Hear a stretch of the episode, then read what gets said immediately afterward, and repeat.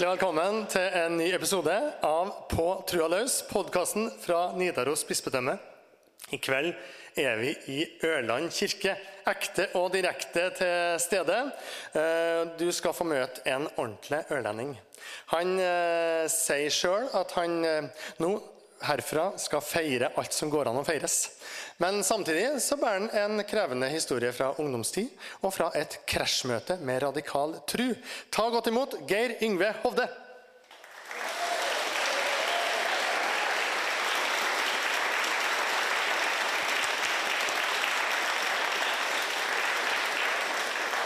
God dag, Geir Yngve. God dag, Magne. Har du det bra? Har det egentlig meget bra, men du må spørre meg om jeg er nervøs. Ja. Da svarer jeg eh, nei. jeg er meget nervøs, men det er lov. Hadde, ja, da kjenner vi at vi lever, rett og slett. Ja. Eh, du er mer på hjemmebane enn jeg. Du har vokst opp i den bygda her. Eh, du er i dag hønsebonde på Hovde hønseri, rett borti hugget her. Eh, og det første som jeg sa da i introen her, var noe som jeg noterte da vi treftes. Så sa du 'herfra og ut skal allting feires'. Ja, er, er du en gladlaks? Uh, herfra og inn skal allting feires. Ja. ja men ellers så var det bra sagt. nei, men Det er et sitat jeg har tatt, tatt eh, fra en annen en, en som jeg leste om, som eh, fortalte at uh, han hadde det veldig bra og eh, var veldig fornøyd, men han, ble, han var jo blitt 70 da. Jeg er jo bare 30. Eh, eh, Men eh, 50, da. Men eh, han, han i hvert fall eh, bestemte seg for det at det var måten han skulle se på livet på. da. Herfra inn skal allting feires. Og livet er jo en, er en gave, og det å ta vare på dagene, og det tror jeg jeg i hvert fall prøver å være bevisst på. Mm. Du virker jo som en åpen, glad, lettliva type. Har du alltid vært sånn? Det var så godt spørsmål at det er vanskelig å svare på. Mm. Både ja og nei. eh, Det er vel et rett svar. Jeg har jo en historie der jeg har slettet med en del ting, jeg òg. Sånn som alle har jo sin, sine ting de har med seg og opplevd. Men jeg må jo få lov til å si at jeg har hatt et fantastisk godt liv. Og når jeg var 40, jeg må få lov til å si det også da, så følte jeg at hvis jeg har lagt inn nå og vært ferdig med det, så hadde jeg vært meget fornøyd. Så er jeg jo ti år på overtid, så det her er jo bra. Jeg må få lov til å si det. Men du har også sagt, Geir Yngve, at ungen Geir Yngve var en ganske sånn stille, sjenert type. Eh, Det er ikke mange som tror på det nå, men jeg er jo, men, eh, nei, jeg er jo egentlig en eh, litt stille, beskjeden gutt. Ja. Man må si det sjøl. Og det må jeg jo, for det er ikke alle som tror på det. Men i hvert fall i ungdomstida så var jeg jo Jeg fikk eh, ganske tidlig Tidlig, jeg vet ikke, men komplekser er jo fort å få for alle, tenker jeg. Eh, Noen har det fordi de ikke har hår, og noen har det fordi de eh, ikke har andre ting. Da. Og, eh, og jeg hadde jo min del av det, eh, spesielt i ungdommen. Eh, Og så gjorde jeg en del ting som jeg tenkte at dere er jo egentlig ikke bra. Så dere, og det bærer du jo med deg, da. Selv om ingen andre kanskje vet det, så vet du det sjøl. Fortell litt mer om det. for du, altså alle, i hvert fall mange i ungdomstida, det er ikke noe unaturlig at man tester litt grenser. Gjør litt ugagn. Men du gikk kanskje litt lenger? Det spørs om du sammenligner med. Ja da, ja, ja, absolutt. Eh, Men jeg tror nok at de fleste så på meg som en meget snill gutt eh, i ungdommen. Men så, i hvert fall så gikk jeg på tvers av det jeg mente var rett sjøl, kanskje. eh, og Hva handla det om? Spenning, eh, ungdommelig iver, prøv ting som eh, kanskje ikke alltid var så bra for seg sjøl og dem rundt seg. Mm, hva var det? Fryktelig hvor du spør. Mm. Nei, jeg, eh, Jeg regner med det er forelda forhold. så... jeg kikker ned nå. Mor mi er her, så jeg må ta det forsiktig. Neida. Eh, Jeg gjorde jo en del ting. Jeg kan ikke fortelle alt om mamma her, da. Men, men hvert fall så gjorde vi veldig mye, spesielt når vi ble eh, kanskje oppe i ungdomstida, som eh, jeg gikk og bar på. Ja.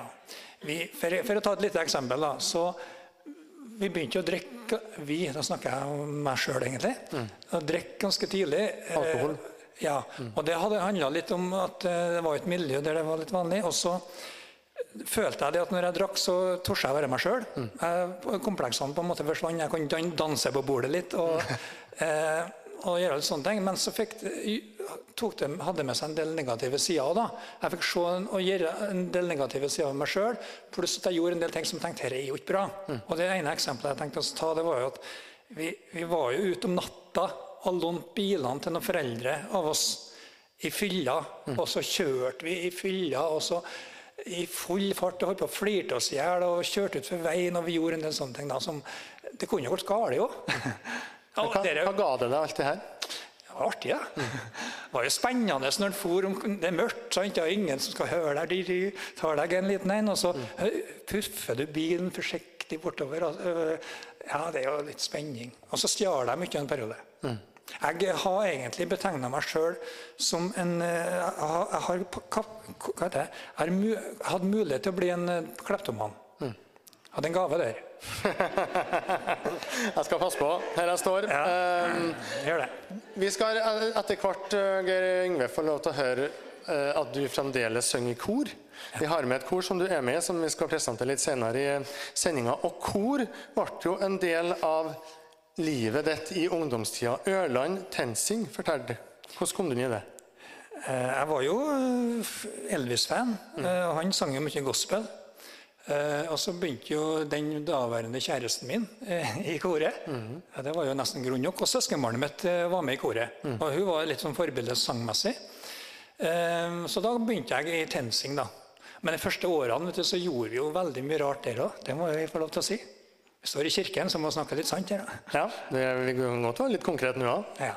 første er Nei, det jeg kan, sånn det kan ikke jeg fortelle dere. gjorde Det, det syns ikke jeg passer seg. nesten. Nei. Men, vi, men sant, ja, de hadde jo noen andakter i koret, og da fulgte jeg jo ikke med på det. For, eksempel, og, for jeg hadde jo ikke noe forhold til tru og Gud og Jesus og sånne, sånne ting da i hele tatt. Og så var det en, eh, et årsmøte i TenSing. Oi, Der ja. unge Hovde plutselig eh, havna mer i det sentrale delen av koret. Det er en merkelig ting. Eh, Jeg blir litt rørt, for at ja. du vet, eh, Det er lov i på brua løs. Yngve. Altså, Livet tar noen vendinger noen ganger som du ikke på en måte har planlagt sjøl. Og du tenker 'hvorfor skjedde dette', hva skjedde? Og dette var vel en av dem. Mm. Eh, fordi at jeg har slutta i koret. Det er grunnen til at jeg, For nå har jeg, jeg jo egentlig det har glemt, men du nevnte det sikkert i samtale med deg. Altså kommer det opp, jeg, jeg føler meg, jeg har så mye rom i hjertet mitt av opplevelser, og så blir det litt vanskelig. Jeg skal prøve. Vi er på årsmøte. Vi er live her nå. Eh, Jeg har egentlig slutta i koret, og så eh, skulle jeg bare veie og levere noe til en som eh, fortsatt var med der i den høsten. Jeg måtte være 88 omtrent. Akkurat.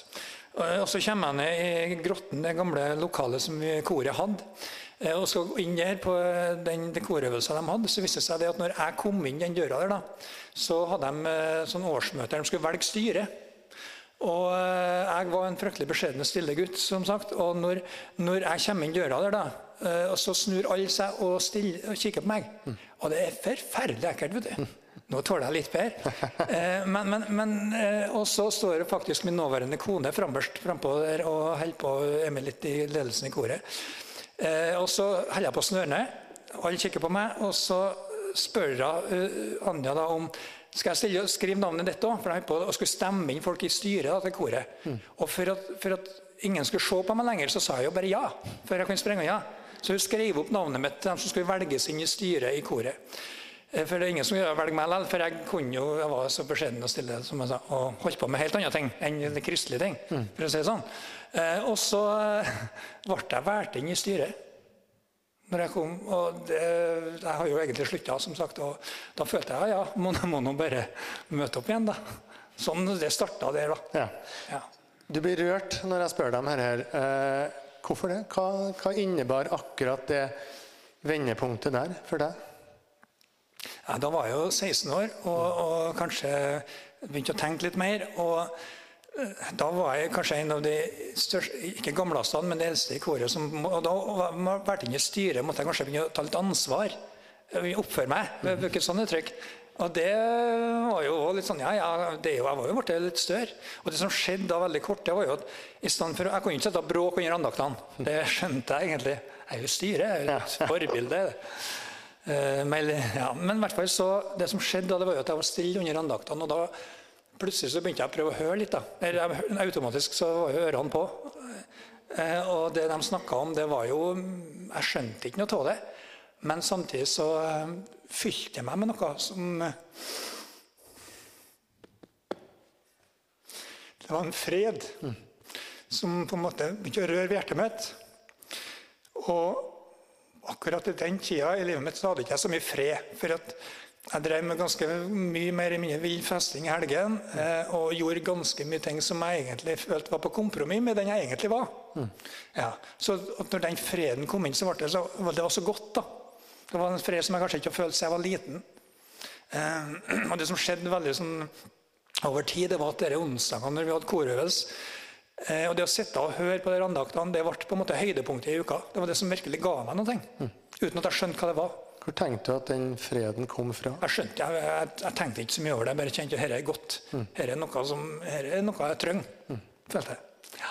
Så kan vi da rusle fram til en eh, marskveld, lørdagskveld i 1989, året etterpå.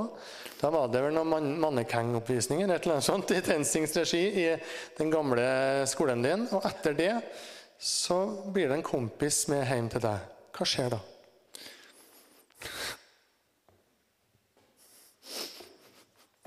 Det er ikke så lett å si. Mm.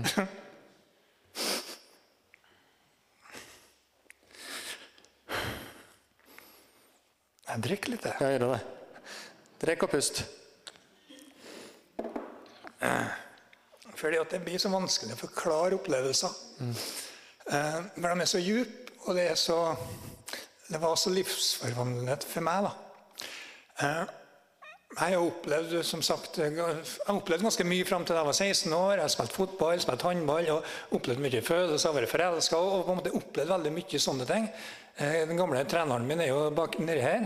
setter jeg pris på. Men jeg husker jo på at vi spilte mot stokka i finalen en gang. og og jeg skulle ha et frispark, og jeg, fikk, jeg traff så det sang oppi vinkelen der oppi der. Og det, altså, jeg har opplevd mye følelser opp og ned sånne ting. Mm. Men, men, men, da kom det med annet inn, altså. Fortell litt, Hva var det som skjedde? Hva var det dere gjorde? Uh, altså, det var som sagt en lørdagskveld etter norske Grand Prix. Og vi satt og prata om ting vi vanligvis ikke prater om Uh, i livet, kanskje. Sånn tunge ting, vanskelige ting. Han har bl.a. blitt mobba en del. Eh, og jeg har jo vært en av dem som har mobba han. Jeg var, var, flink til det òg. Mm. Eh, og så har vi tatt fram en bibel av en merkelig grunn. Eh, vi gikk jo i TenSing, så det kunne være litt derfor.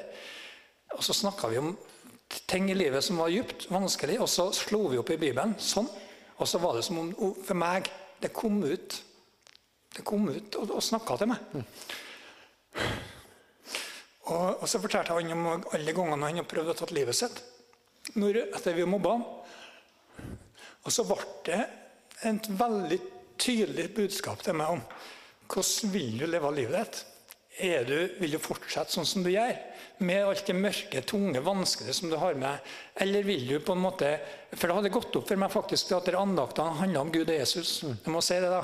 Og Gud og Jesus trodde jeg jo ikke noe på. Jeg hadde ikke noe peiling. Jeg kunne ikke bli religiøs. alt det der, så det ville ikke ha noe av for det. Oi, oh, ble sånn da. Men samtidig så var det noe som dro meg. Og så ble det der på en måte samla i et slags budskap. Hvorfor eh, ja, Det endte i hvert fall med det at jeg ba til Gud for første gang helt ærlig fra hjertet mitt. Gud, hvis du finnes, så må du hjelpe meg. Dette får ikke jeg til. Jeg synes det blir, jeg gjør såpass mye dumt og får ikke til det her. Kan du hjelpe meg? Jesus, kom inn i livet mitt. Jeg har hørt såpass mye om Jesus da, at jeg trodde at det var hvis det var han jeg måtte prøve å be til. Kan du hjelpe meg? Og jeg bruker å fortelle da kom engelen Gabriel inn i døra. vet du, Halv, det gjorde ikke jeg, vet du. Det gjorde ikke. Men altså, når jeg våkna dagen etterpå da var gresset grønnere, og fuglene sang finere. Og, og, da hadde det kommet noe og var, jeg, må, jeg, må, jeg, må, prøve å bare bruke ord, ord på, for, for, å forklare det. Men det var mer virkelig for meg det som skjedde, enn at, stå, at du står der nå. For det var så djupt, det var så sterkt. At jeg visste noe har skjedd, men jeg visste ikke hva. Jeg skjønte ikke hva det var. Men noe, nå har det skjedd noe. Mm. Uh, og uh, det gikk noen dager, så begynte folk å spørre meg uh, kamerater, hva, hva som har skjedd med deg. Og jeg visste ikke. Jeg måtte være ærlig. Mm. Jeg visste, vet ikke. En uke etterpå så var jeg på fest i Bjugndalen. Eh, for jeg slutt, prøvde å slutte å drukke, det har ikke jeg fått til. Prøvde å slutte å bantes, det har ikke jeg fått til. Eh, for jeg skulle bli, prøve å bli litt kristen i meg sjøl, men det gikk jo ikke. Jeg måtte ha hjelp. Men i hvert fall så plutselig så, etter 14 dager så bantes jeg. Jeg tenkte oi, men jeg har jo ikke bantes på Ikke bantes på 14 år, hva er det for noe? eh, og så kom, jeg var jeg på den festen en uke etterpå, og så kom folk til meg. Jeg var sikker på at det var 50 stykker som kom på den festen. Hei, og da har de hørt rykter. Rykter, rykter sprer seg, vet du. Fort og. Både positivt og dårlig. Det har ikke vært religiøs når jeg bolle, heter bolle. da. Eh, og så ga man en klem. Hei, ta deg en liten en nå. Og så visste ikke jeg hva jeg skulle si. Jeg har blitt religiøs, det vet ikke jeg. Men det jeg visste her, her vil jeg ikke miste. Jeg visste ikke hva det var, men det var en, kombing, en kraft, for å bruke et sånt uttrykk. Et nærvær av noe som herre må jeg ta vare på. Det er noen som bruker uttrykket 'frelst'. Tenker du at du ble frelst? I, kanskje i etterpåklokskapens navn så kan det være et ord som kan takes inn. Eh, men det er et litt kristelig uttrykk. Men det var kanskje det som skjedde. I hvert fall skjedde noe helt nytt. Hvis du ble- skal bruke det, hva legger du i det? Da ble det, jeg fikk en, jeg fikk et, altså det var som om noen slo på lyset. Jeg fikk plutselig se. Det, jeg, jeg, og så ting falt helt til ro. Før var jeg halv, nå ble jeg heil. Og, men jeg skjønte ikke hva det var. Men noe har virkelig skjedd. altså. Eh, og så husker jeg på ei som kom bort til meg som jeg var litt forelska i. Og tenkte at nå kanskje det blir oss. da, liksom nok seg litt sånn til rette. Og så kom hun bort og ga meg en klem. Altså, Du burde ikke blitt religiøs, men jeg kommer skal du ta deg inn. Og Da kjente jeg på en måte en, sånn, en slags kamp, da, for å bruke et sånt uttrykk. Men så, for første gang da, på veldig veldig mange år så kjente jeg vet du hva, herre, herre det jeg har fått er mye viktigere. Jeg vil faktisk ikke drikke, og det er ikke så viktig for meg at vi skal nå, er- Herre vil jeg ha. Så jeg sa nei. Og det var en sånn Oi, hva er dette for noe? Og da husker jeg på hun vedkommende snudde seg og gikk og snakka ikke med henne på 20 år. Så, og det kan jo skje. De beste, som hun sa.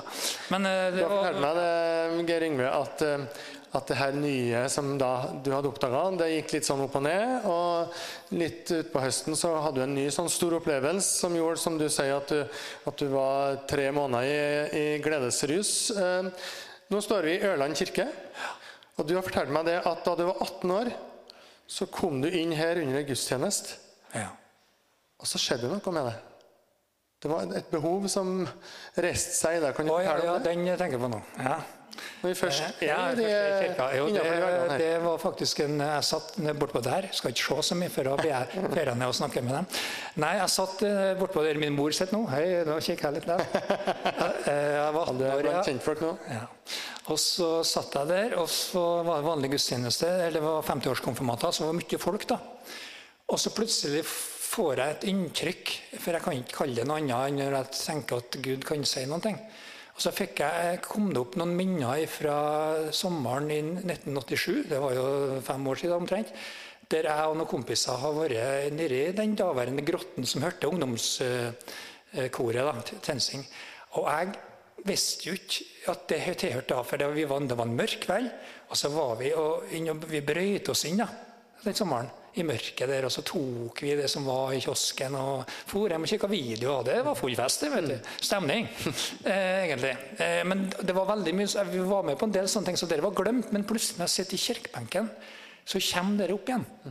Husker du på når du var nedi og, og, Ja, det, sånn var det, ja. Og så, ja, nå skal du følge, og så føler jeg, jeg har aldri hørt at Gud har sagt som en hørbar stemme, men det oppleves veldig tydelig. Ja, for han Bernt, da, som var leder for Tensingkoret, han sa jo at oppå, oppå der og spilte. Nå skal du ta de pengene du har. Jeg hadde litt penger, jeg var i militæret. Jeg står godt, eh, store penger der. vet du. Eh, og, og så skal du be om unnskyldning. Du skal bekjenne det du har gjort, og så skal du be en Bernt komme ned, og så skal du eh, be om unnskyldning for det du har gjort. Og fortelle det, og så bare gjøre opp for deg. Og det som var litt merkelig, da, det var ikke sånn Oi, nei, det kan ikke jeg gjøre. Det var mer sånn Oi, det var artig. Det var spennende. Spennende å få lov til å For jeg har jo glemt det, og det var ikke noe jeg skjemtes for. Så jeg gikk opp til presten og lurte på om jeg kunne eh, si noe, og det fikk jeg lov til. Så, så stilte jeg meg opp og så sa Bernt, kan du ikke komme ned en liten tur? Jeg må fortelle noe. Eh, og så fortalte jeg det at den sommeren så var det jeg og noen kompiser som var og stjal. Jeg vil gjerne gjøre opp for meg, så betalte jeg det jeg hadde, og i hvert fall, for å gjøre ferdig det kapitlet der. Hva betydde det for deg? Det var godt, da. Jeg synes det også var spennende. For at det, De første årene som jeg var kristen, så var det utrolig mye sånne merkelige opplevelser som, jeg, eh, som var så rikt for meg. da. Flaug du? Flaug. Ja. Åh, jeg fløy mye. fløy veldig mye i begynnelsen. Jeg må fortelle litt den episoden da, som var før det som gjorde at jeg, som gjorde at jeg fløy. For at det handla om at jeg kom inn i en slags truskrise den sommeren som gjorde at ting ble vanskelig. Jeg skulle begynne på fredelig. Og jeg tenkte egentlig å gi opp Fredelig folkehøgskole. ja, jeg tenkte egentlig å gi opp det med, med Gud og kristendom. Ikke fordi jeg ikke trodde på det, men fordi jeg, jeg følte ikke jeg klarte å være en kristen da, bra nok. Jeg bruker sånn uttrykk. Så når Ørlandsdagene skulle komme da, til august, så tenkte jeg nå skal vi drikke oss full igjen og ferde på. Selv om jeg visste at dette var sant, og sånn, så fikk ikke jeg det til. Så kommer det da et bryllup til søskenbarnet mitt den i slutten på juli, tror jeg. Eh, Så kommer det en kar fra Nordant som eh, er i slekt, ikke slekt, men sånn i familie. Og så hadde det vist seg at han har blitt kristen da, for et halvår siden. Og Så tar han kontakt med meg, og så begynner vi å snakke litt sammen. og så er det jo stemning. Jeg forteller ikke han at jeg egentlig tenker å gi opp. Og sier at dette får ikke jeg til. Så drar vi hjem altså til tanta mi, og så får jeg en del sånn kassetter om, som handler om livet med Gud og Jesus. Og sånn. Og så spør de om jeg får lov til å be for meg. Og så tenker jeg be, for det er ikke bare presten som ber. Det var litt sånn da. Sånn tenkte jeg litt da. Og så ja, ja, jeg kan gjøre det. Og så la han hånda på meg og så ba han at jeg måtte bli fylt med Den hellige ånd og, og få liksom oppleve sånne ting. Da døpte Den hellige ånd, tror jeg han brukte. Og jeg syntes det var ekkelt, så jeg begynte å flire litt. og litt sånn ekkelt. Jeg var hjemme alene i huset. Raring der, jeg, typen, gitt. Skikkelig raring. og så kom søndagen, og så øh, Ørlandsdagen skulle begynne den onsdagen, og da tenkte jeg å begynne å drikke. og sånn. Men så satte jeg på noen talekassetter, og så begynte jeg å romstere inni meg. Og det, jeg tror det måtte være søndagsvann i mandagen. Så var det var også gjennom en sånn slags talekassett der de forkynte om Jesus, og sånn, så kom, da opplevde jeg at himmelen kom ned til meg. Og jeg har heller ikke noe ord for å forklare det, men da ble jeg så fylt av en sånn kjærlighet. En sånn grenseløs Før hadde jeg fred, og på en måte den der, men da kom det som at det ble fylt en sånn kjærlighet på meg at jeg bare kjente halleluja! Jesus lever. Det var det som kom inn i meg. Og det, det gjorde da det tok av. Og, det, og tankene om å gi opp og det med drikkinga var som blåst vekk. Og du snakker om rus, og snakker, jeg snakker om folk som har vært rusa på heroin. og sånne ting. Dette er det sterkeste jeg har opplevd. Det var så sterkt. Og i stedet for å ferde og, drikke på landsdagene, så vi kjørte traktor med henger og fullt av folk oppi. De drakk, vet du, mens jeg kjørte halleluja. Så sto jeg i den karusellen som heter rock'n'roll, som gikk sånn rundt, og ropte ut 'halleluja, Jesus lever'. Og så kom folk bort til meg. 'Har du slutta å drikke, du?' Å, jo. Jo, jo, jo, men det er Jesus. Halleluja. Og, så det ble litt sånn. Jeg skjønner at folk uh, syns det der var litt snedig. Vi snakka om deg og kor. Nå skal vi få opp Ørland Gospelkor. Bare begynne å stille opp eh, mens vi prater litt videre her, for det er jo koret som du er med i i, i dag. Hva, hva betyr sangen for deg? Jeg syns det er utrolig artig å synge. Nå er ikke jeg noen sånn eh, talentsanger som solist, og sånn, men jeg, jeg sang gir utrolig mye glede. Og jeg er veldig glad for at jeg får være med sammen med den fine gjengen her. og opplevde utrolig mye fint. Og det var jo koret som var med og sang meg inn i en sånn sammenheng. Nå skal dere synge eh, sangen fra DDE, som heter 'Ville, ville føgla flyg'. Er det det vi har hørt om nå? En vill fugl som flyg? Jeg flaug litt, flaksa litt der, ja. Flaksa litt. I begynnelsen i hvert fall. Vær så god, Geir Ingve. Still deg opp i rekka i lag med resten av Ørland Gospelkor. Eh, og så er det altså sånn eh, at eh, vi skal få høre 'Ville føgla flyg', som er av eh, DDE. Eh, Ørland eh, Gospelkor de øver her i kirka hver eneste uke, så de er virkelig på hjemmebane. Det er Grete Eid Johansen som er dirigent, er Anders Marøy som spiller piano, og solisten er Astrid Klara Fagerstrøm Mjøen. Det ble rett. Ja. Vær så god, Ørland Gospelkor.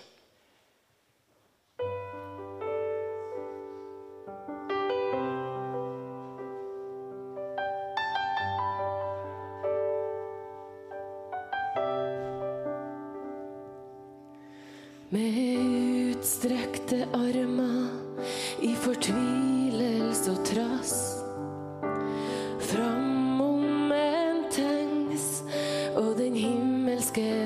proud.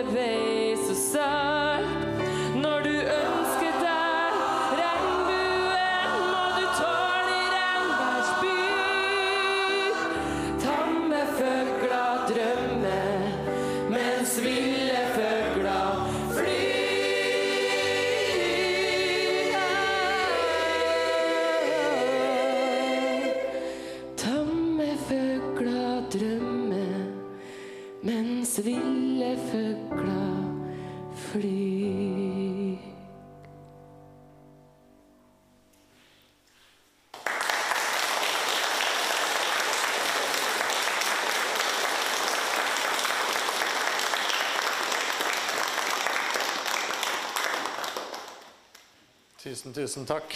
Tusen takk til Ørland eh, gospelkor. Utrolig flott å eh, høre dere.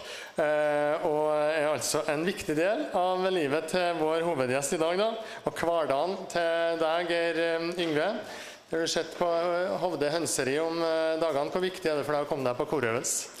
Utrolig artig å få lov til å være med. Og så er det en så fin gjeng. da. Det er jo et ungdomskor, som dere ser. Ja, ja, ja. Det er bra. Du, eh, du fortalte jo det at du var ute og flaug. Dette var en periode der du virkelig opplevde at eh, trua på Gud var sterk. At du var fylt av det du kalte Den hellige ånd. eh, og at ja, du, du har fortalt meg det at du, ja, du fortalte oss alle at du sto på hengeren og ropte halleluja, og du hadde Jesusfane i 17. mai-toget, og du var i Skaun fredelig folkeskole og jobba i kirka og um, var rundt og hørte på, var på møter og fikk med deg veldig mye. Og du dro til Nord-Norge og var i militæret. Og, og du har fortalt meg at du opplevde at Gud på en måte fortalte deg hvor du skulle være hen, og hvilken retning du skulle gå. Eh, og så kommer du tilbake til Ørlandet, hjem igjen.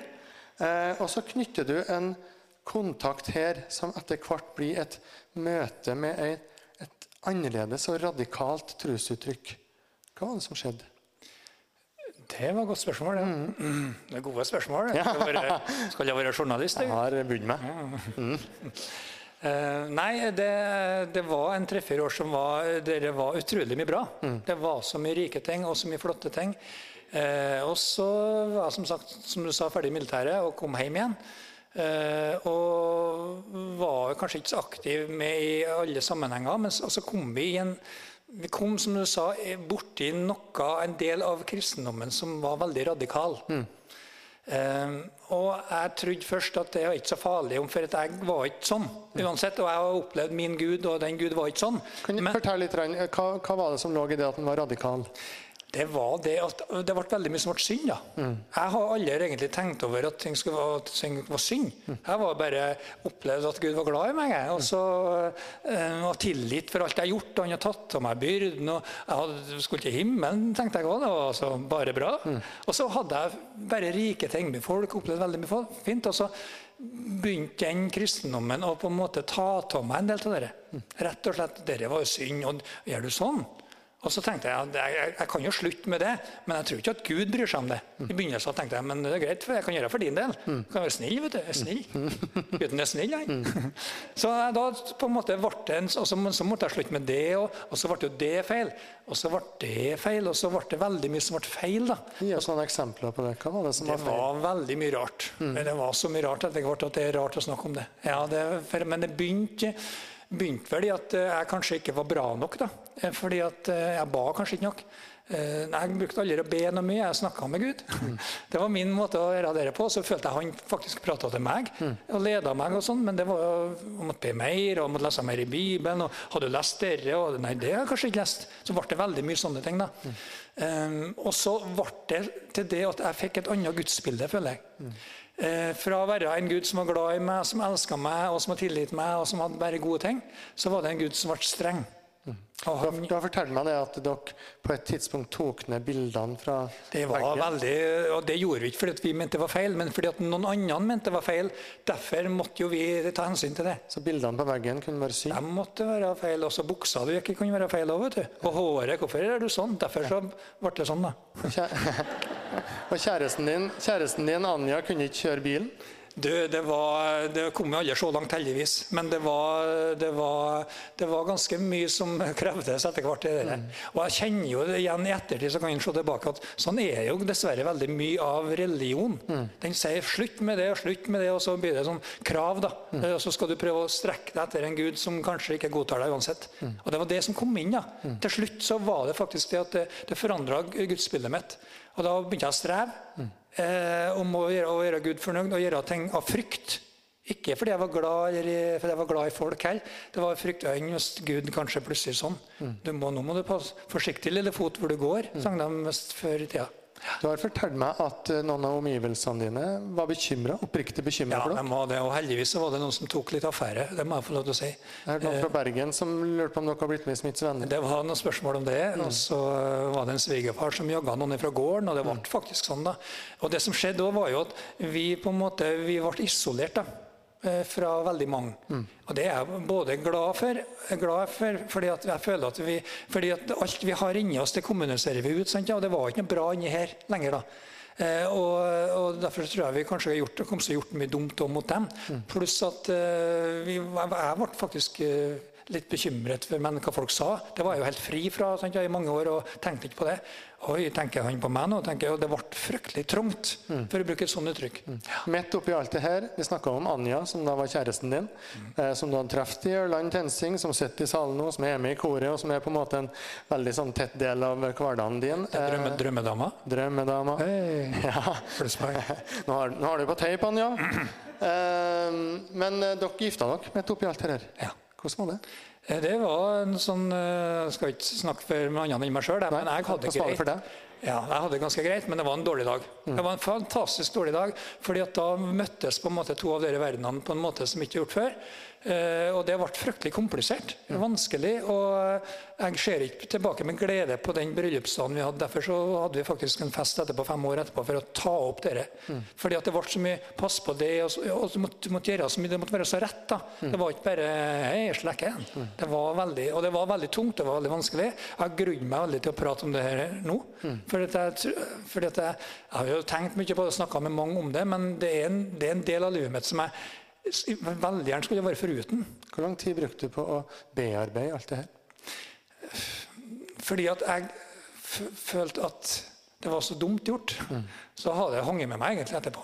Helt til nå, nesten. Fordi at eh, jeg skjemmes over at, jeg, at hvorfor, hvordan klarte jeg, å rote meg borti det? Når det som var så bra. Var det en slags hjernevasking? Det var absolutt en slags hjernevasking. Eh, som eh, vi måtte faktisk vaskes rein og vaskes andre tilbake. Ja, hvordan var den prosessen? Hvordan kom du deg ut av det her? Det var jo som sagt eh, først, det var en kort prosess og en veldig lang en. Mm. Den korte en handler om at jeg ville finne ut sjøl Jeg måtte på en måte slutte å høre på folk og finne ut sjøl hva sa egentlig Bibelen. Eh, Så da holdt jeg på en par år der jeg studerte ganske nøye. Jeg er jo en skarp uh, hjerne, som dere ser. Jeg er en skarp mann. Jeg flir. Nei, jeg flir- Men uh, jeg måtte grave litt, og litt i gresk. Litt i dybden, da. For å tenke, hva det jeg opplevde, var det bare tull? Hva, hva var sant oppi dette? da? Jeg måtte på en måte finne ut av meg sjøl. Uh, og da hadde jeg jo kort fortalt noen klare, tydelige ting som la seg til rette etter hvert som la ting på plass. Da. Men det tok tid å bli helbreda for sårene. Frykta for å gjøre feil igjen. Den lå der ganske lenge, sjøl om jeg var ganske fort tilbake på banen. For å bruke et sånt uttrykk.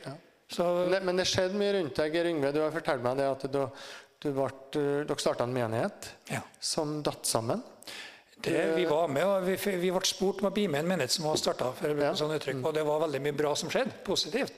Eh, og så eh, kom det opp noe, jeg må kan fortelle veldig kort om det òg, men eh, veldig kort. Eh, det var det at min kone gjennom eh, så mange år, som sagt, hun, opplevde at det kom opp noen bilder fra barndommen som handla om overgrep. Eh, og det ble vanskelig selvfølgelig for oss eh, å forholde oss til. Det ble vanskelig for hun først og fremst, men òg for veldig mye nære relasjoner. Og for oss som skulle begynne med en ny menighet, så var vi liksom Vi måtte rett og slett slå ned noen påler og tenke at nå er det faktisk viktigere ting enn menighet.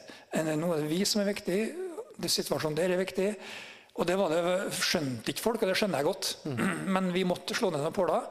Og da for mange fra den menigheten som var litt oppadgående. Det var litt flere ting som skjedde, da, men det var en av tingene som gjorde det vanskelig. Da. Eh, og da følte jeg at jeg mislyktes totalt. For, virkelig, for jeg er glad i folk på Ørlandet, og nå skal vi liksom samarbeide med alle og gjøre mye bra. Og så ble det en sånn smekk på pung. Det virker sånn.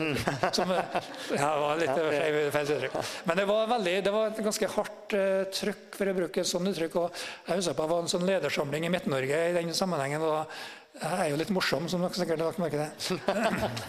Nei, men Da presenterte jeg meg som leder for Norges hurtig- hurtigst synkende menighet. Og Det er jo noe å være stolt av. Ja.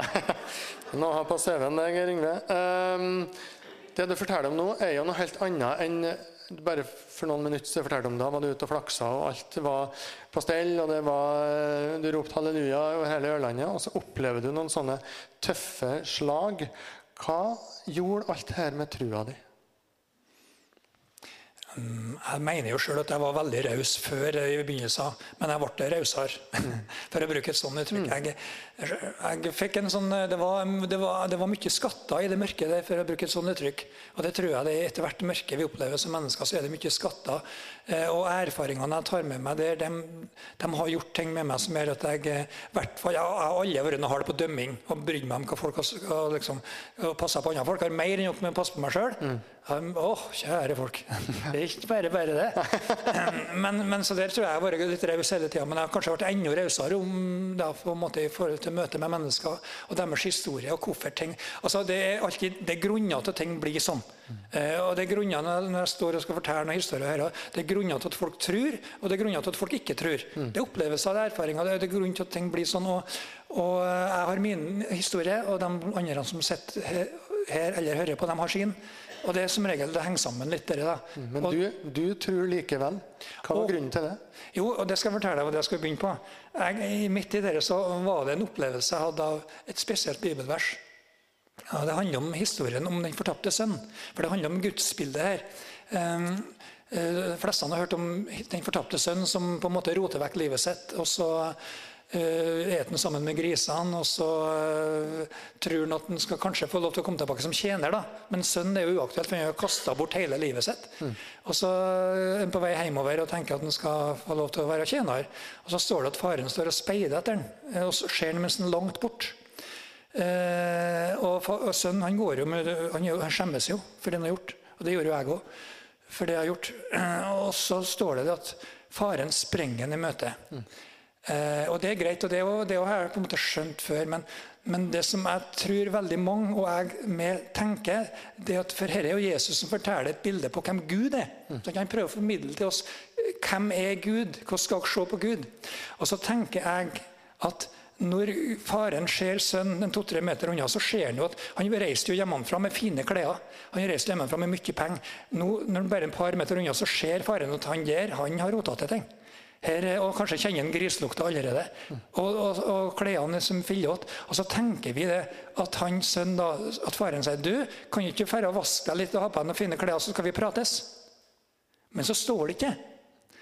Det er det som ble så sterkt for meg. Det står at faren falt sønn om halsen og kyssa han. Midt i skiten, midt i skammen, midt i det han ikke fikk til, midt i det at han har rota vekk livet sitt, så ble han tatt imot. Sånn. Og så ble han kyssa. Og det ble en sånn ja, sånn var det min Gud. Det var det jeg møtte som 16-åring. Sånn er Gud. Sånn er den Gud Jesus kom og fortalte oss om. Sånn er den Gud som Bibelen forkynner om. Det sånn det Og da kunne jeg på en måte få lov til å slippe han til igjen i livet mitt. Og det, det var jo det beste jeg opplevde, og det sterkeste jeg opplevde i mitt liv. Så jeg ville jo ha det hvis det fantes. Og så opplevde jeg jeg kan ikke få lov til å tro på det fortsatt. Og da begynte jo helbredelsesprosessen. da. Jeg er jo den sønnen, den gutten som har rota vekk alt. Og det gjør jeg igjen og igjen. Og så opplever jeg at pappaen min kommer imot meg og kysser meg. da, Pappa Gud, for bruke sånne trygg. Og det er så dyrebart. Takk for at du deler, Geir Yngve, både av oppturer og nedturer. I 2011 så tok du over på Hovde gård. Hovde hønseri. Ble hønsebonde på heltid. Det er du fremdeles. Hvordan trives du med det livet? Jeg har drømmejobben. vet du. Har du? Jeg har drømmejobben. Jeg må få lov til å si det. Hvis noen andre mener de har den, så er det fint. Men uh, vi hadde en sånn, hadde en sånn, uh, sånn leik, skal du si, spørreleik hjemme en kveld sammen med noen kompiser om hva ville du gjort hvis du hadde fått hvert alternativ og fått drømmejobben og sånne ting. og uh, Tenk deg godt om, og du kan gjøre, bli akkurat hva du vil. Og sånne ting. Og jeg kom ikke på noe annet. Så jeg trives utrolig godt eh, der jeg går sammen med tippetippene. Altså. Ja, for Hver dag så går du ut i fjøset, eh, plukker egg, putter dem i kartonger, leverer. Og jeg har også lagt merke til det at du er ganske ivrig på å gi bort egg. Du gir bort egg til Ørland Blues, du gir bort egg til håndballcup, var det nå? Du har gitt bort egg til menigheten her. Jeg har sjøl opplevd å komme hjem til deg og, og komme tilbake med noen eggkartonger. Hva betyr det for deg å, å gi? Det betyr veldig mye. Mm. Det vet ingenting. Eh, er, du kan miste alt i livet utenom det du gir. Det var godt sagt. Si det en gang til. Du kan miste alt i livet faktisk utenom det du gir.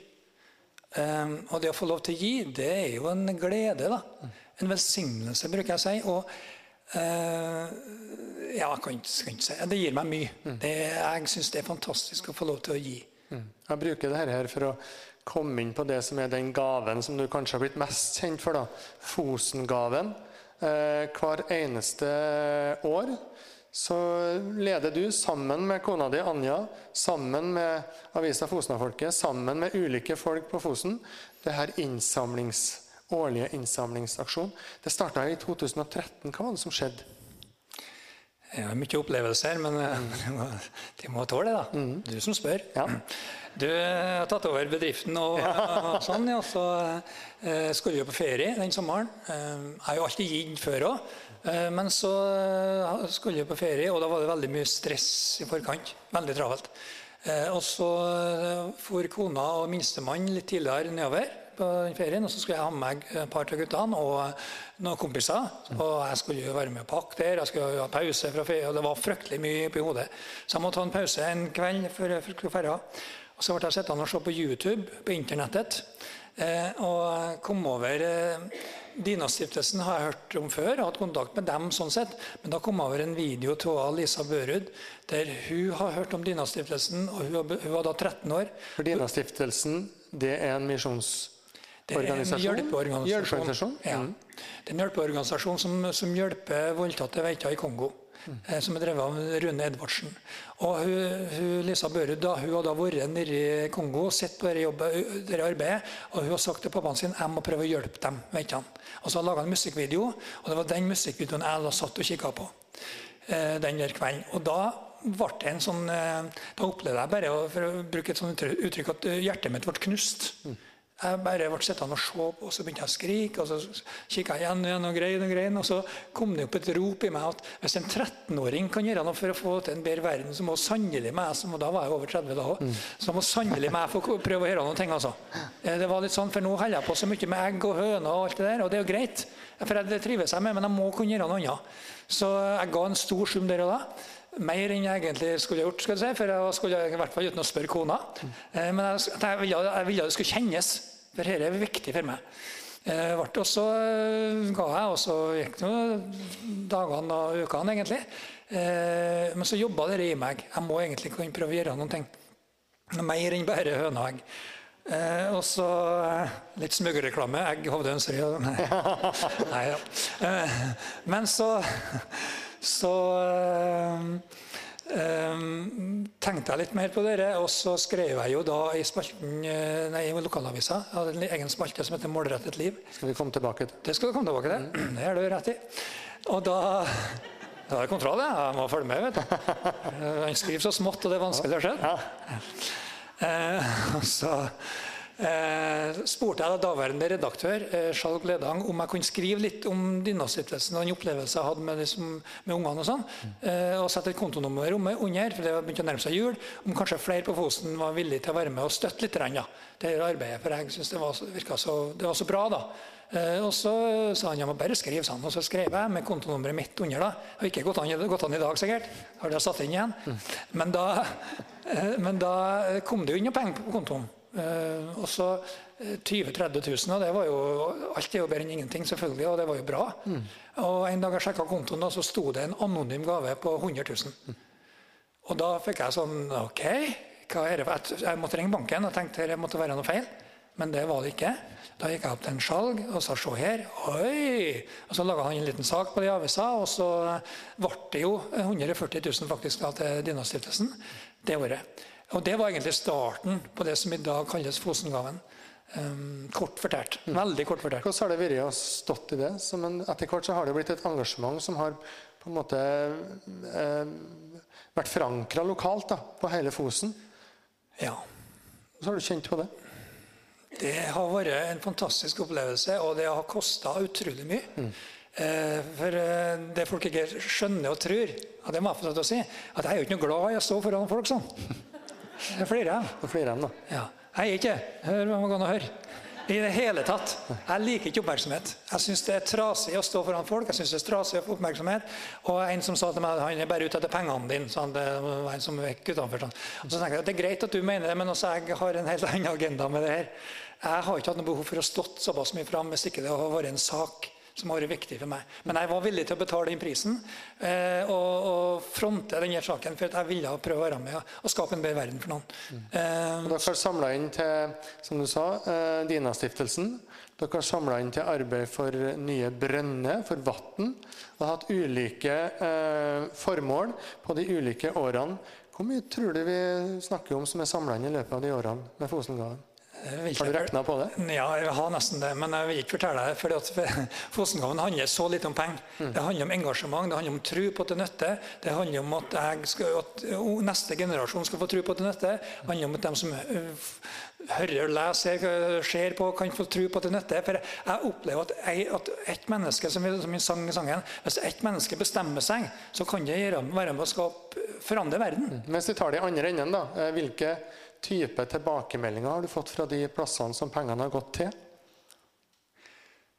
Det er jo det som jeg synes er så fint med Fosengaven, det er at vi samler ikke inn penger til oss sjøl. Vi finner noen som skal ta imot pengene, og så løfter vi fram dem.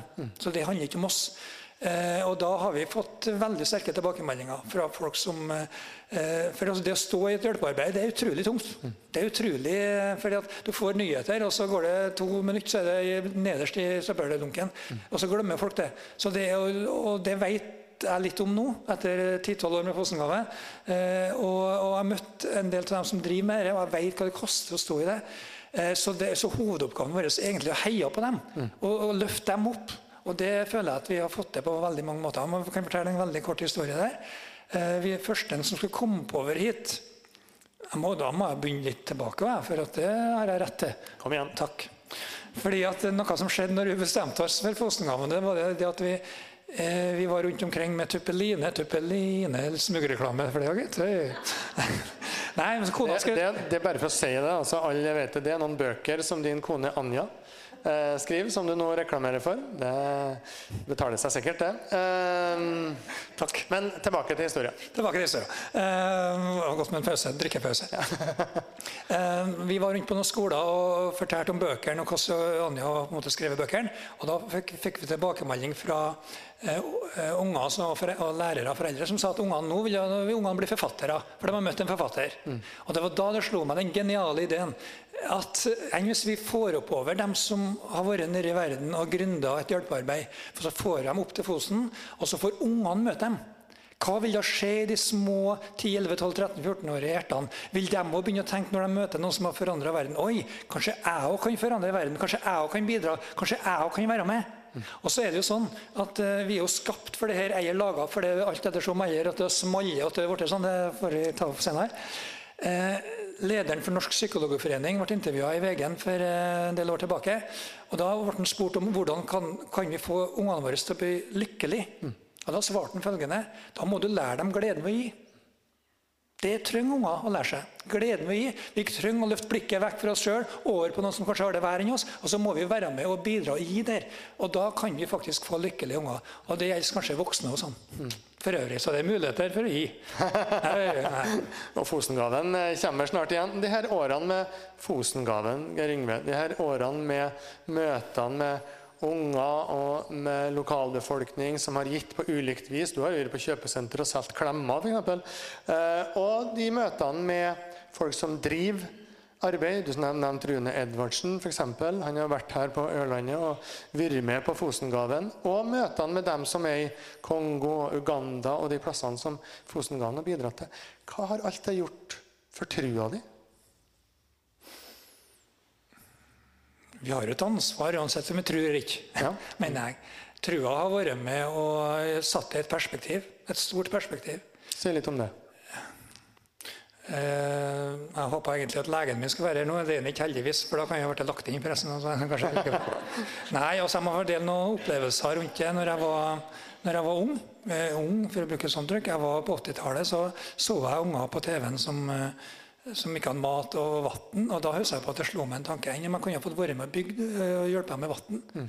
Nå har vi gjennom Fosenhaven vært med, og mange her har vært med og bidratt til over 120 brønner. Eh, og så hadde jeg en opplevelse som jeg bare vil dele, som også på en måte gjør at for at ting henger sammen. da. Jeg sto i dusjen, håper ingen får rare bilder av det. Eh, og på, Sorry. Det er sant, ja. Og så hadde jeg en, av mine- en opplevelse som på en måte jeg verken hadde før eller siden. Eh, For plutselig, ja, da var jeg, Det var jo faktisk de vanskelige årene her, når ting var vanskelig. Så fikk jeg plutselig se en eh, film. Jeg hadde øynene var åpne. Så fikk jeg se hele livet mitt foran på en film. Fikk jeg se barndommen min. Mm. Og så så jeg hvor jeg var akkurat der.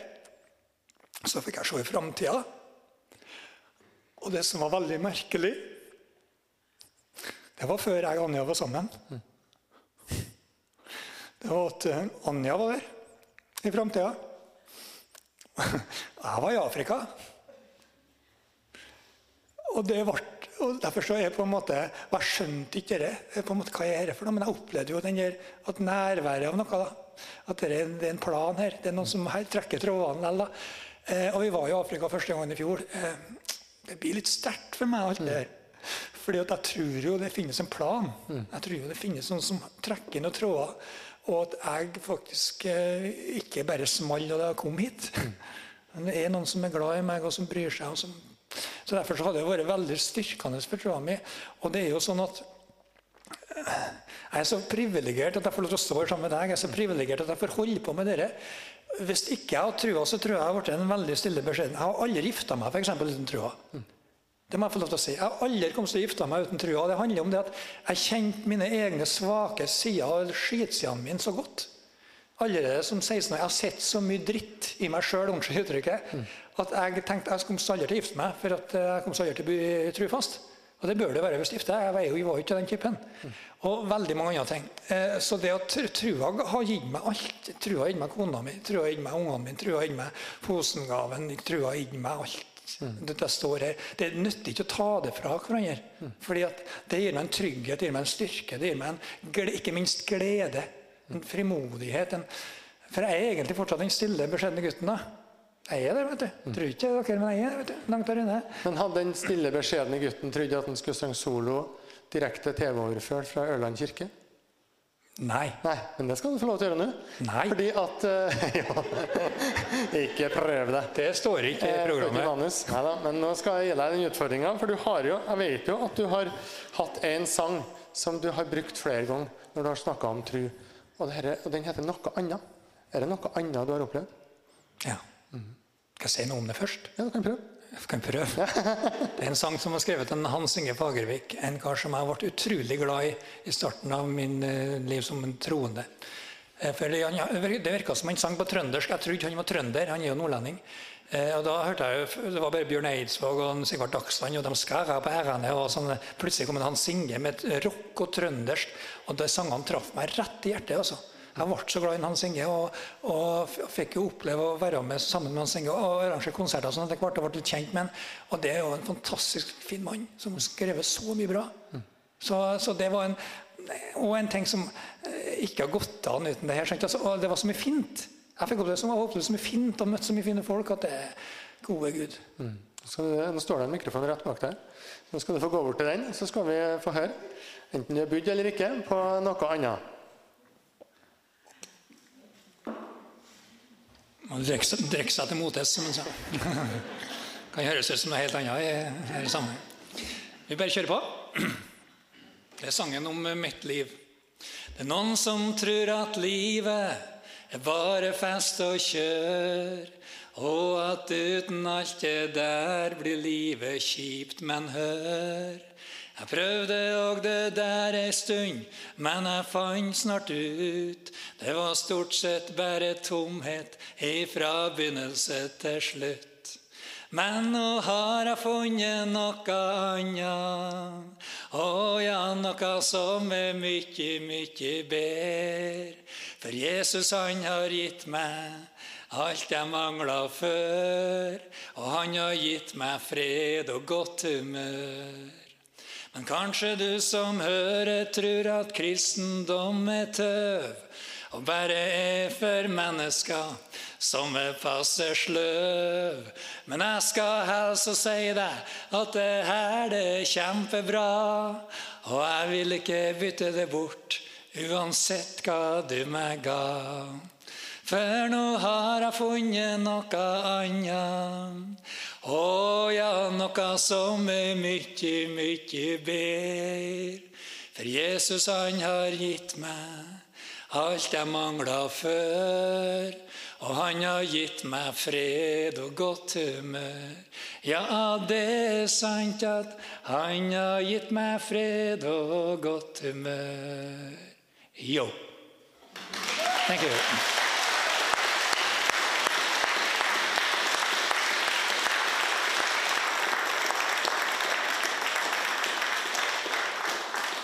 Fantastisk, Ringve, Tusen takk skal du ha. Du er tøff, altså. Eh, sangen om ditt eh, liv. Eh, jeg gjeta deg jo litt, her litt tidligere når du begynte å snakke om spalten din i Fosnafolket, lokalavisa. Med jevne mellomrom så skriver du ei spalte som heter 'Målretta liv'. Hvordan kom det her i stand? Eh, Det er da jeg må si at jeg er glad legen ikke er da. Nei, for at eh, Jeg vet at det kan høres rart ut, alt det her, men, men det var en eh, veldig spesiell opplevelse i forkant. Flere opplevelser.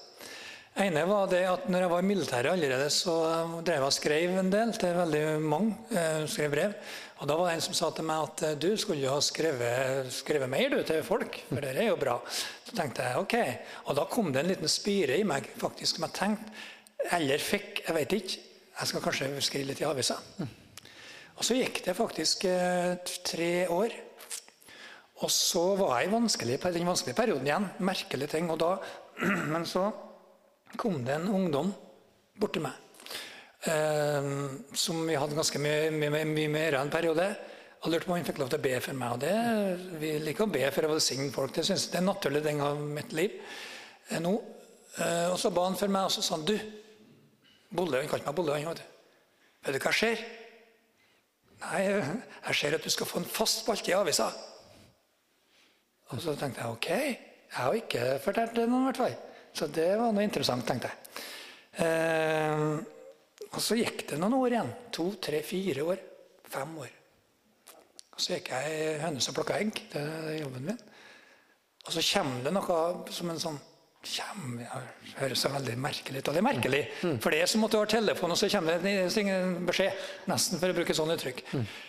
Nå skal du gå til redaktøren i avisa og spørre om du får lov til å begynne å skrive. Og jeg fikk sjokk. Og jeg ble livredd. Og jeg tenkte ja vel. Men så kjente jeg at det var noe mer som, ikke, som var mer enn vanlig tanke. Og så, så var jeg samla sammen med min kone og en til og den kvelden og sa nå må dere be for meg. Dette opplever jeg at jeg skal gjøre, men jeg er livredd. Livredd, sa jeg. Og ja, men eh, Dagen etterpå så kjørte jeg opp gjennom Brekstadgata og følte meg så liten. Jeg følte meg så liten at tenkte hva er det du holder på med? Hadde noen sett henne, så ble det sperra inn. Så jeg hører stemmen. Jeg hørte ikke stemme, men jeg kjente det var noe. Så, så, så, så, og så gikk jeg inn på Fosna-folket og så spurte jeg om redaktøren vår. Jeg visste ikke hvem det var. Og så svarte hun i skranken at nei, beklager, han er så travel nå, for de har noen deadliner, så det går ikke. Jeg ble så glad. Hei, slipp å skrive. Men så sa jeg, så jeg var på vei ut nesten. Så sa jeg men vent litt, så skal jeg eh, ringe på han og høre. Og så gjorde jeg det. og så, ja, Du må bare komme inn en tur. Så da måtte jeg jo nesten snu, og så gikk jeg innover. og Da var redaktørkontoret helt innerst inni der på venstresida. Og det å gå, da følte jeg meg enda mindre. Så jeg tenkte at hva skal, hva skal jeg si, da? Hei, jeg heter Geir Yngve og vil gjerne begynne å skrive i avisa. Jeg er jo ikke journalist, nei, sånn, jeg ingenting. Men i hvert fall så følte jeg det var en tøff vei å gå. Jeg gikk inn til redaktøren, og så eh, presenterte jeg meg. Og så sier redaktøren Å, det er du, ja? Det vet jeg om, sa han. For de har skrevet litt om oss tidligere. da. Og så hva, hva kan jeg hjelpe deg med, da? Jo, jeg kikka litt ned og så spurte om sånn sånn må kanskje skrive noe om eh, litt sånn meninger med kjerringa og sånn. Og kikka litt ned. Ja, men det var flott, sa han. Det passa. Det var veldig bra, for nå skal vi begynne med noe nytt øvelser som heter For god helg. Og da kan jo du få en spalte der. Og, ok. og, så, sånn, og så plutselig så skjedde det noe. Da skjedde det noe for meg, i hvert fall. Eh, du kan skrive så mye du vil, når du vil, om hva du vil, han. Og så opplevde jeg igjen det der. Altså Hvis livet mitt starter der og slutter der, så er det noen viktige punkt. Og plutselig så kjente jeg at der er jeg nå, og dette er viktig. Mm. Og så ble, og så ble det så, Vi fikk en så god samtale, det ble så fint. Og han som ikke hadde tida til meg, han ville sitte og prate over et team. Og så kommer medarbeideren og har ikke tid til dette. Du må komme, og du skal lage avis. Og, ha tid til. og så ble det bare sånn at da fikk jeg lov til å starte å skrive i avisa. Og Det er jo 12-13 år siden. Jeg tror jeg hadde tre-fire-fem kanskje ting jeg kan skrive om. Nå har vi skrevet, i, ja, ja, skrevet mange innlegg. Hvordan gjør du det? Hvordan kommer du på nye temaer og tekster? Ja, det er mye, Jeg skriver mye rart. da, for lov til å si det. Jeg skriver et lite visdomsord på toppen, så prøver jeg å si noe fornuftig i midten, og så et bibelvers på slutten. Mm.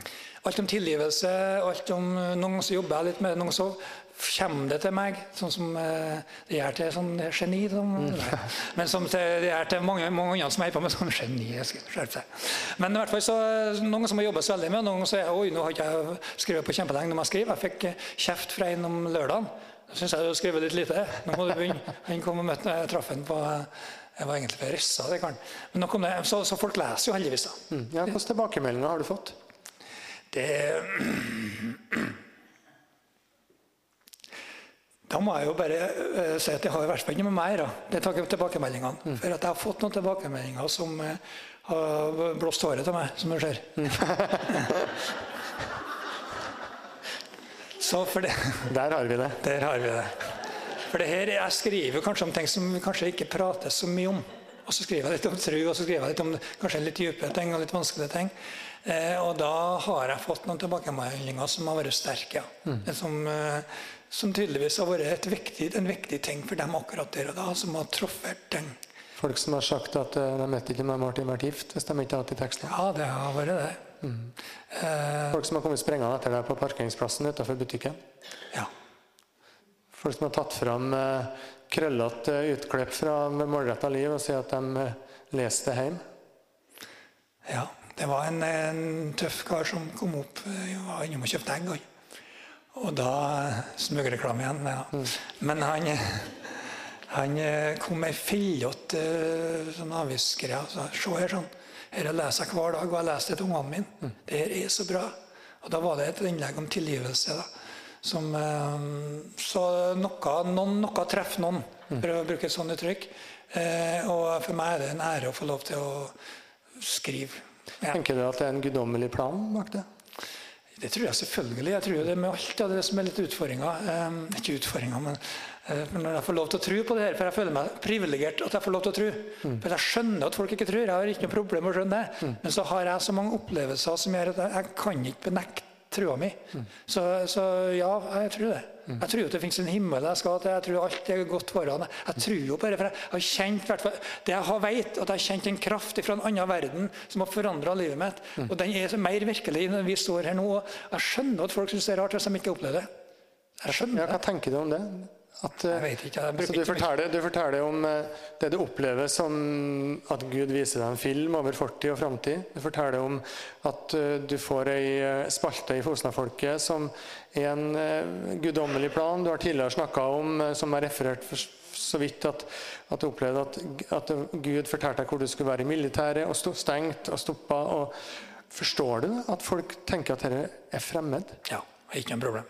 Jeg, eh, jeg kan ikke si annet at jeg eh, skjønner dem som ikke tror, og så skjønner jeg at eh, jeg, jeg, jeg føler meg utrolig privilegert som får lov til å tro, for det er en gave. Hva sier du til dem som tenker at dette her er voldsomt? Gud velsigne deg. Beklager, jeg kan jo ikke si Jeg vil ikke, jeg unnskylde deg. For jeg, jeg er på en måte Jeg er satt som fullstendig fri, føler jeg, inni meg på akkurat det området. Og det kan jeg vil ikke miste det heller. Og det var faktisk sånn, jeg må få lov til å si det da, at jeg sa til Anja her for eh, noen måneder siden at det trua det gir meg så mye at hvis jeg visste at det ikke var sant, så jeg nesten ville ha trodd likevel. Altså, for, det, for det gjør så mye bra med meg. Ja, og så er det jo sånn at Vi, vi er ikke flinke til å snakke om tru i Trøndelag eller i Norge. Sånn, det er på en måte en ikke-ting, for det er så lett at det skal være enten-eller. Og det er noe utafor eller innafor. Mens trua er jo bevegelse, og det, eh, det er så mange sider da, med livet.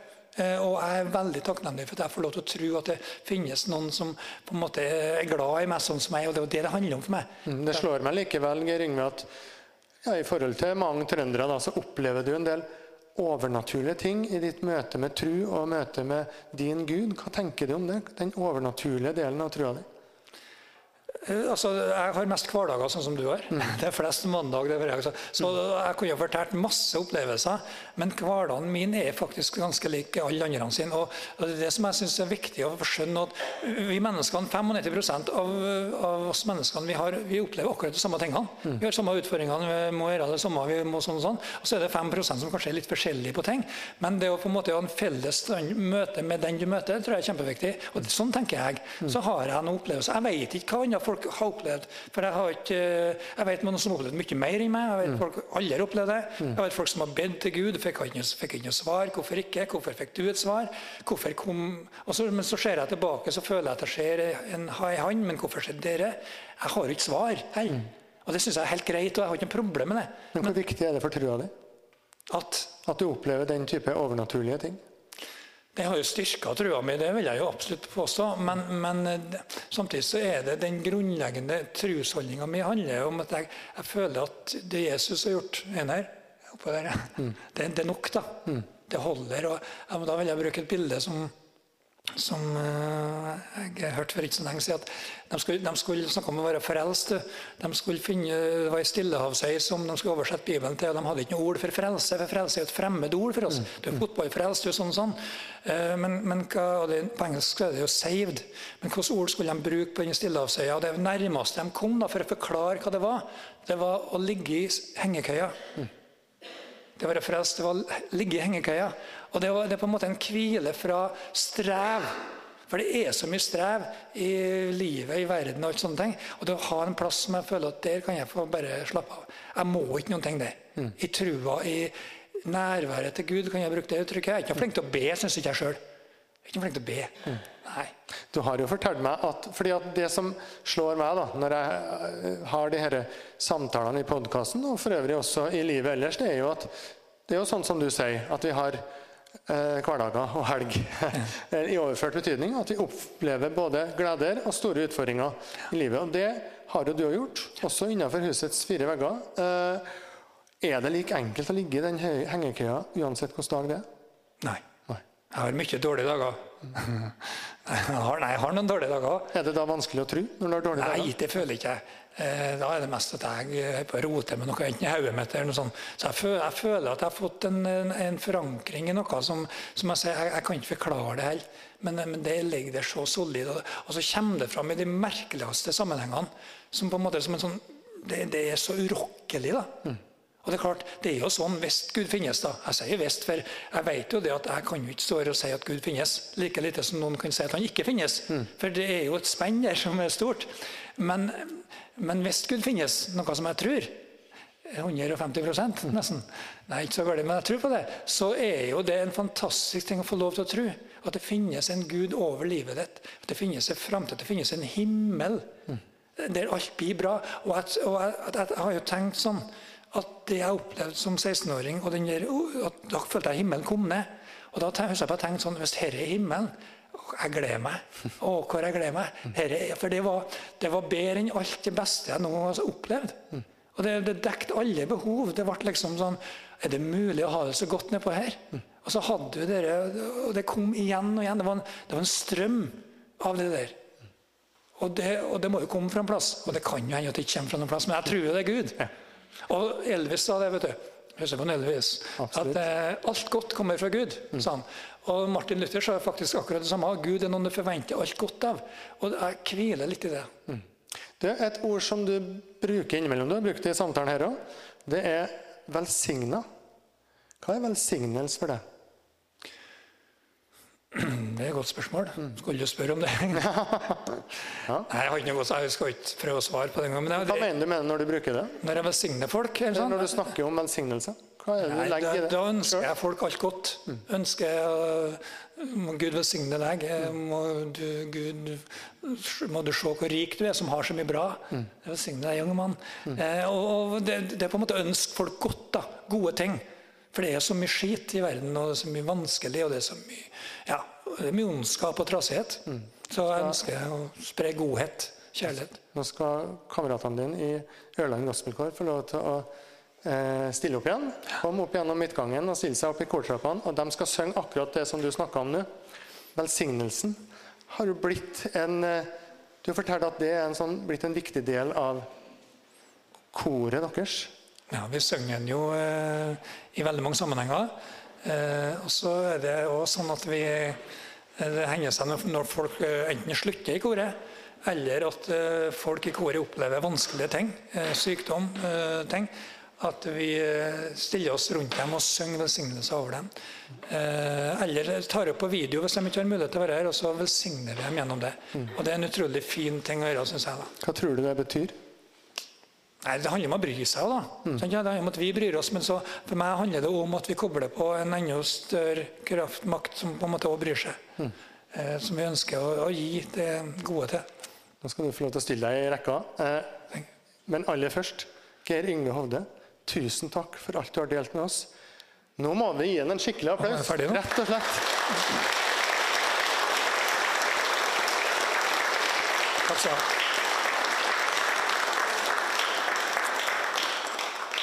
Tusen, tusen takk til Geir Yngve Hovde. Tusen takk til dere som har vært i kirka, og ikke minst tusen takk til deg som har uh, fulgt med sendinga vår, denne 16. episoden i På trua løs.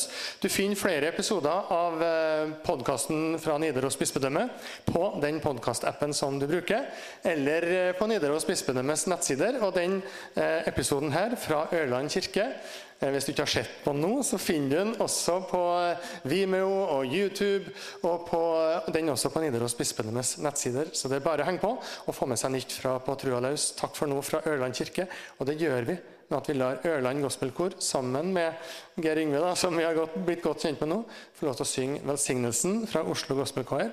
Herren velsigne deg og bevare deg.